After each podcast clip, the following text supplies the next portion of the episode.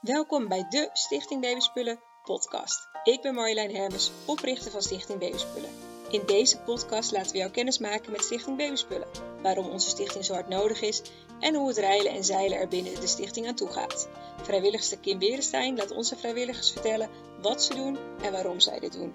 En ook gaat zij in gesprek met bedrijven en gemeenten waar wij mee samenwerken.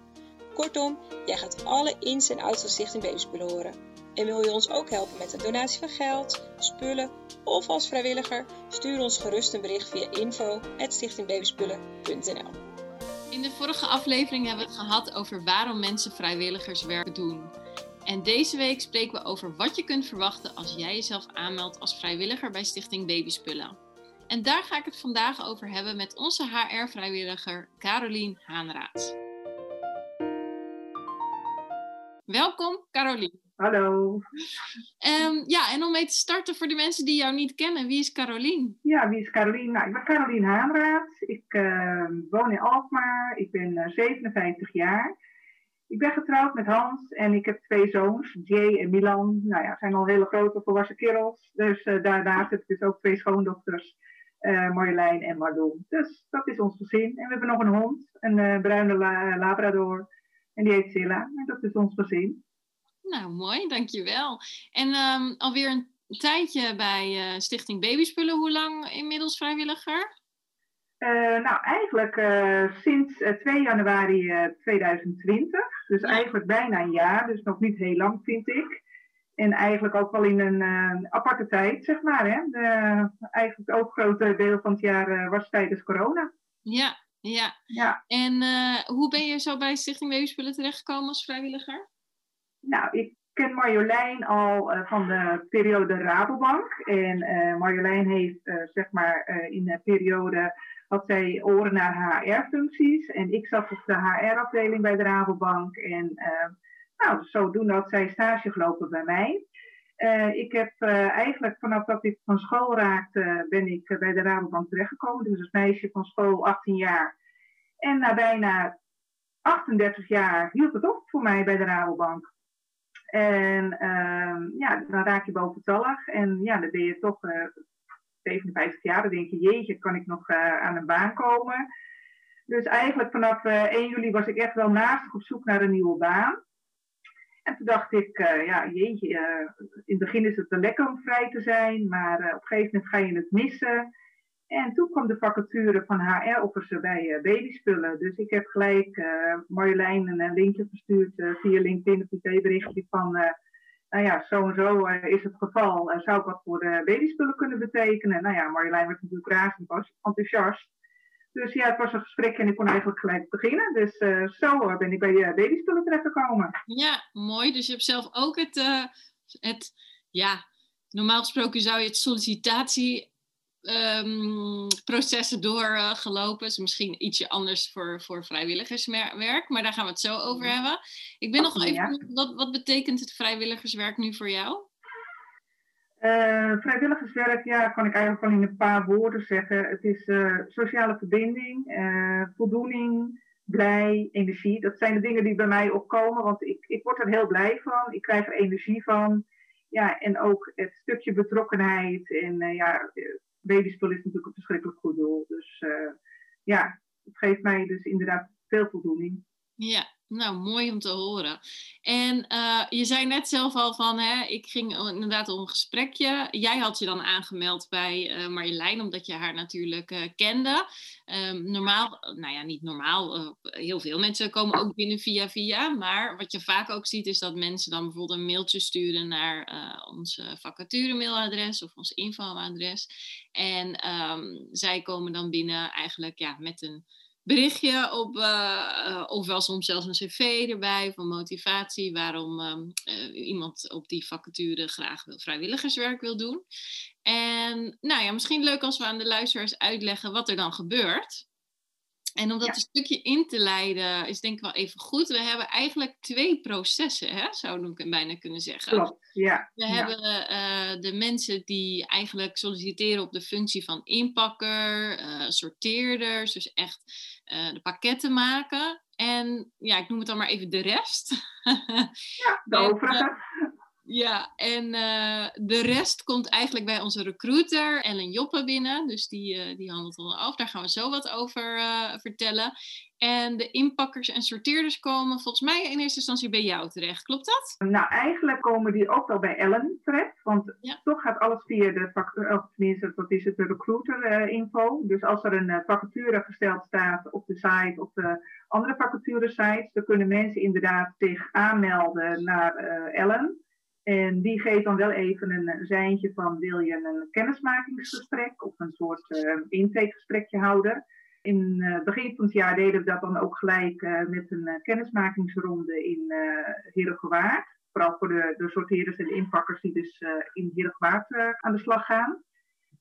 dat was een, een, combinatie, dus dan liet je gelijk even netjes zien van wat er allemaal gebeurt bij babyspullen, we vragen natuurlijk uiteraard ook van wat zij al van babyspullen weten, hoe ze bij ons terecht zijn gekomen en waarom ze ook inderdaad graag bij babyspullen aan de gang gaan. En na zo'n rondleiding, dan gaan we nog eventjes bij elkaar zitten en dan kijken of het inderdaad klikt van beide kanten. En dan is vaak al de aanmelding. Um, omdat het ook via Ellen gaat, hebben ze vaak al de link gehad. Dus komt er een aanmeldingsformulier binnen. En dan start zeg maar het administratieve gedeelte van uh, mij.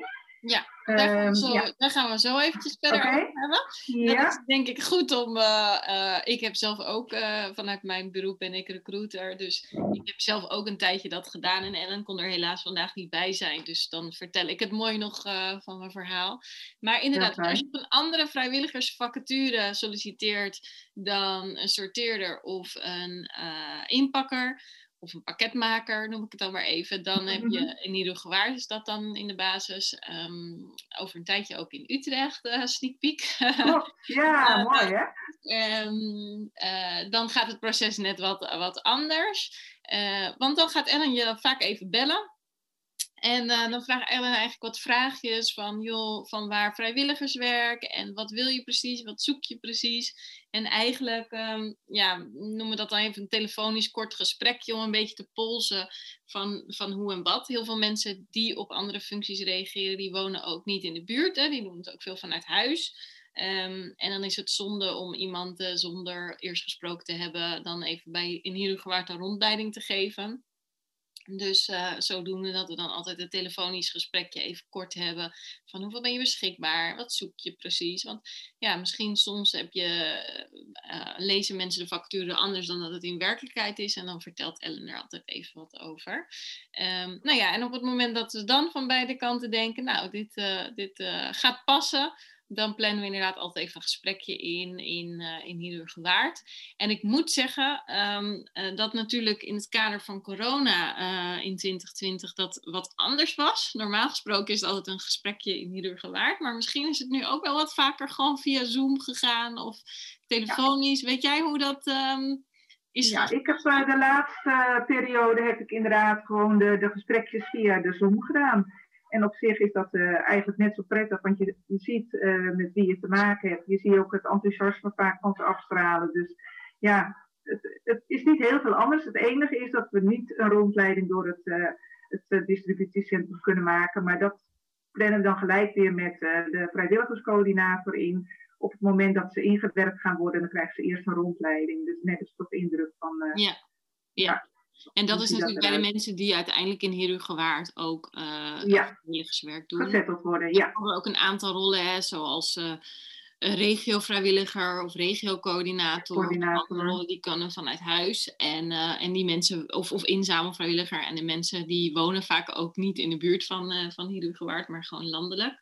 En toch deden we voorheen altijd wel echt die mensen uitnodigen op... Um, op het uh, hoofdkantoor. En dat was eigenlijk de reden, ik weet niet of jij daarbij bekend bent, maar ik vertel het in ieder geval even voor de luisteraar, dat we altijd merkten dat mensen die nu gewaard waren geweest en echt gezien hadden hoe die pakketten van A tot Z werden opgebouwd, een heel ander gevoel hadden, heel ander um, beeld hadden van de stichting van dan de mensen die dat niet hadden.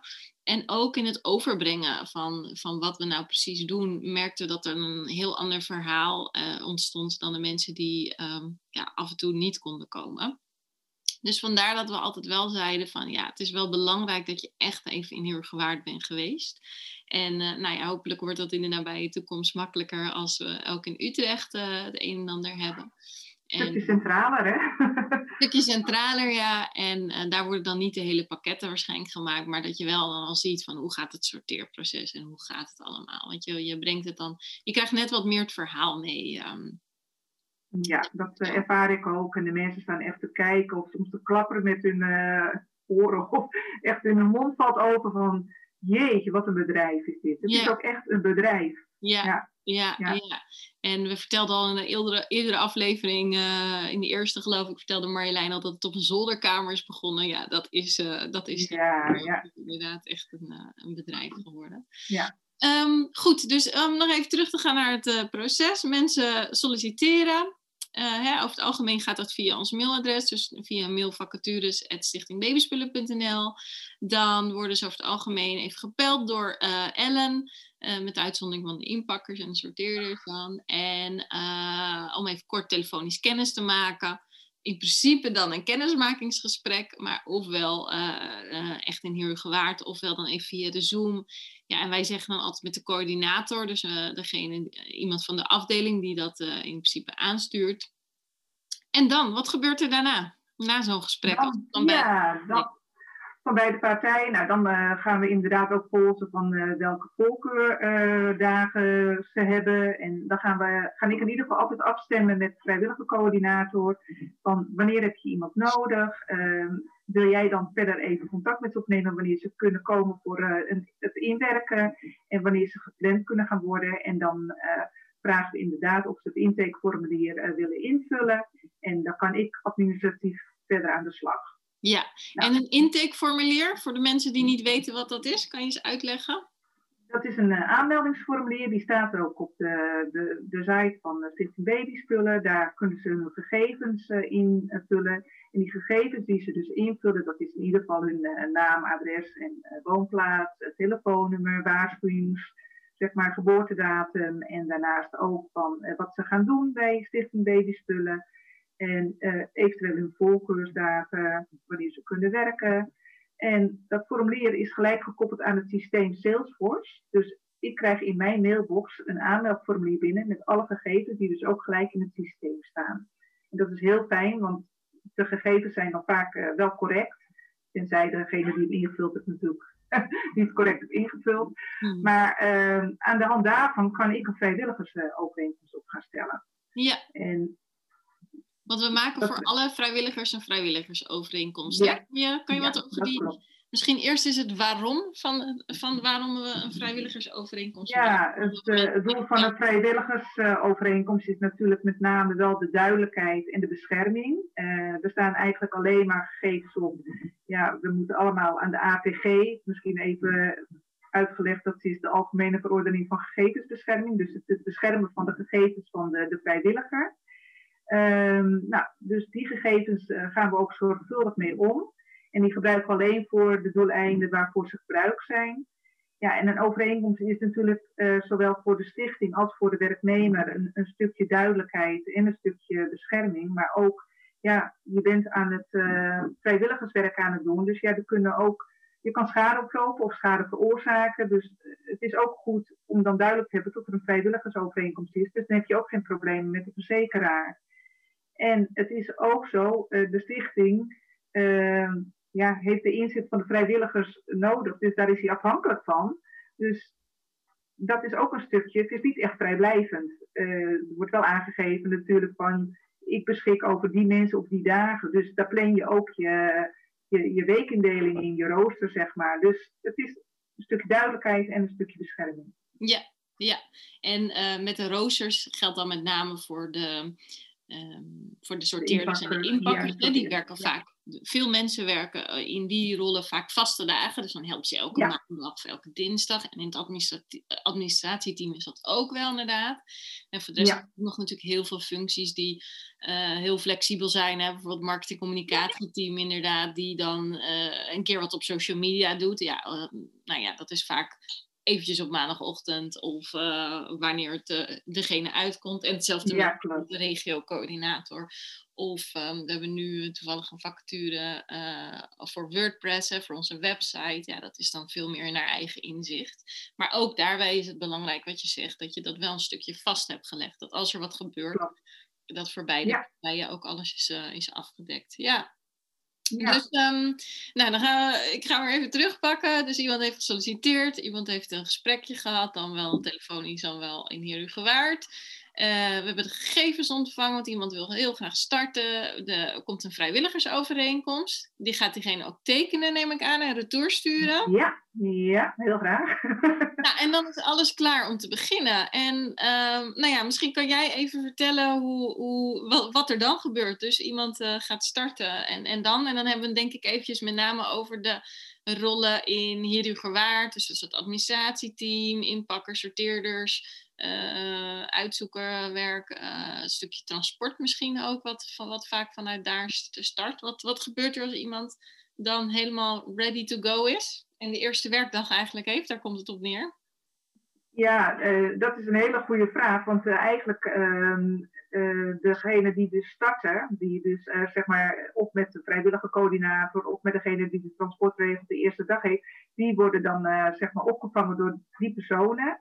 En ik weet dat bij de sorteerders uh, worden ze aan een, een, soort buddy, zeg maar, toevertrouwd. Van uh, die gaat jou uitleggen hoe dat uh, allemaal in zijn werk gaat. Dat sorteren gaat op een bepaalde manier, het vouwen gaat op een bepaalde manier. En ja, dat is de eerste dag, denk ik. En, ja. ja. Mm -hmm. Dus je wordt eigenlijk door de coördinator van de afdeling, ofwel een, een mede-vrijwilliger, wordt je ja, aan het handje uh, word je ingewerkt, om het zo te zeggen. Inderdaad. En natuurlijk bij het sorteren en het vouwen uh, hebben, hebben we sowieso instructies, maar dan uh, is het veel meer laten zien hoe en wat. Um, hoe, je, hoe je dingen opvouwt en waar dingen moeten. En bijvoorbeeld bij het administratieteam is het natuurlijk veel meer van, nou, wat doen we? waar staan de mails? Wat zijn de processen? Dat soort dingen. Ja, dat? dan ja klopt helemaal. Nou, helemaal goed. En voor de chauffeurs is het trouwens. Uh, uh, volgens mij krijgen ze dat van tevoren al uh, een beetje hoe dat gaat. En gaan ze de eerste keer samen met iemand. En daarna gaan ze ook alleen de spullen ophalen, inderdaad. Dat klopt, ja. Ze gaan nou, eerst met iemand mee. Ja. ja. Ze worden niet aan hun lot overgelaten. Ze worden echt nee, nee, nee, nee, En als je kijkt naar de, de, functies elders in het land, daar kan ik dan wel wat over vertellen. We hebben natuurlijk inzamelvrijwilligers. En eigenlijk uh, gaan die ook altijd vanaf een vertrekpunt hier gewaard. En daar krijgen ze eigenlijk alles uitgelegd. Dus dan is het een kwestie op even wachten op de rode bak. Of sommigen nemen hem al mee. En dan uh, ja, kan je gewoon beginnen met de bak voor de deur zetten. Je wordt op de website vermeld. En dan uh, op een gegeven moment komen de mensen hoe meer ook een stukje jezelf vaak mond-tot-mond reclame doet. En met de regio-coördinator hebben we ook inderdaad een coördinator die je dan op weg helpt. En we hebben vaak ook, dat denk ik ook bij de sorteerders, hebben we WhatsApp-groepen. Dat als er vragen zijn, dat je altijd het aan mede-vrijwilligers van dezelfde functie kan, kan stellen. Dus um, dat is denk ik ook wel een van de uitgangspunten. Ik weet niet hoe jij dat ziet, um, Carolien, maar um, dat, dat we elkaar ook altijd op weg gaan helpen. En uh, dat we het ook echt samen doen. Dat gevoel heb ik uh, inderdaad. En net ik zeg, de regiocoördinator, ik heb toevallig uh, dat had dan Esther Bodegraaf, de vrijwillige coördinator, gevraagd of ik dan die gesprekjes nu doen, omdat het via Zoom gaat. En toch misschien ja, iets meer gevraagd moet worden en even weten. Maar dan geven we ook gelijk even door denk er even over na. Uh, gaan even sparren met een uh, andere regiocoördinator. Dus we gaan niet echt over één nacht ijs. En we gaan dan echt wel kijken van is het wel de juiste uh, ja, rol die je wil gaan vervullen voor babyspullen. Ja. Dus ja, op zich vind, zijn dat soort gesprekken wel heel erg leuk. Ja, ja, kan ik me voorstellen inderdaad. Nou ja, volgens mij hebben we dan wel redelijk het proces gehad. Dus ik noem nog even één keer. Dus solliciteren. De sollicitatie komt binnen, wordt afgehandeld door, door Ellen. Inderdaad, ofwel doorgestuurd naar jou of een telefonisch gesprekje. Jij doet het dan via Zoom of in ieder gewaard. En uh, dan hebben we natuurlijk het stukje administratieve dat iemand uh, gegevens achterlaat en vrijwilligersovereenkomst uh, wordt opgesteld en getekend. En dan de eerste werkdag en dan kan je starten. Ja, en, fijn is dat. ja, zeker. En wij zijn natuurlijk sowieso heel erg blij met alle hulp van elke vrijwilliger. Of dat nu vast is of, um, of af en toe een uurtje bewijs van spreken. Uh, alles is welkom. Ehm, maar ja, heb ik nu nog wat in het hele uh, proces gemist van als iemand zich aanmeldt als vrijwilliger? Volgens mij heeft je het heel goed samengevat. En uh, nee, ik denk dat jij uh, de juiste stap hebt aangegeven in het proces. Dus zodra ze zeg maar bij babyspullen aan de gang gaan, ja, dan is het proces klaar. En dan kunnen ze aan de slag. Ja, ja, nou, hartstikke goed. Dan wil ik jou in ieder geval heel erg bedanken voor je input, Carolien. Graag gedaan, uh, Kim. Denk jij na het afleveren van deze aflevering ook? Ik wil graag helpen als vrijwilliger. Stuur dan gerust een mail naar vacatures.stichtingbabyspullen.nl En ja, dan gaat Carolien of Ellen contact met jou opnemen. Want ja, elke hulp, of het nu groot is of klein, is heel erg welkom. Bedankt voor het luisteren naar de Stichting Babyspullen podcast. Nog even kort drie dingen die we met jou willen delen. Alle hulp die we krijgen wordt echt enorm gewaardeerd. Dat kan zijn in de vorm van doneren van spullen, geld of als vrijwilliger. Elk kledingstuk, euro of uur die je wilt helpen, kan al verschil maken. Kijk op onze website www.stichtingbabyspullen.nl. Als tweede kun je ook helpen door je te abonneren op deze podcast of door een reactie achter te laten. Daardoor komen wij hoger in de podcastranking en komen wij nog meer onder de aandacht. En als laatste, tag ons vooral op Instagram, Facebook of LinkedIn. Bijvoorbeeld als je iets gedoneerd hebt, dat je naar deze podcast luistert of hoe je ook maar wilt. Ook dit helpt enorm bij het onder de aandacht brengen van onze stichting, zodat wij nog meer kindjes een goede start kunnen bezorgen. Heel graag tot de volgende podcastaflevering.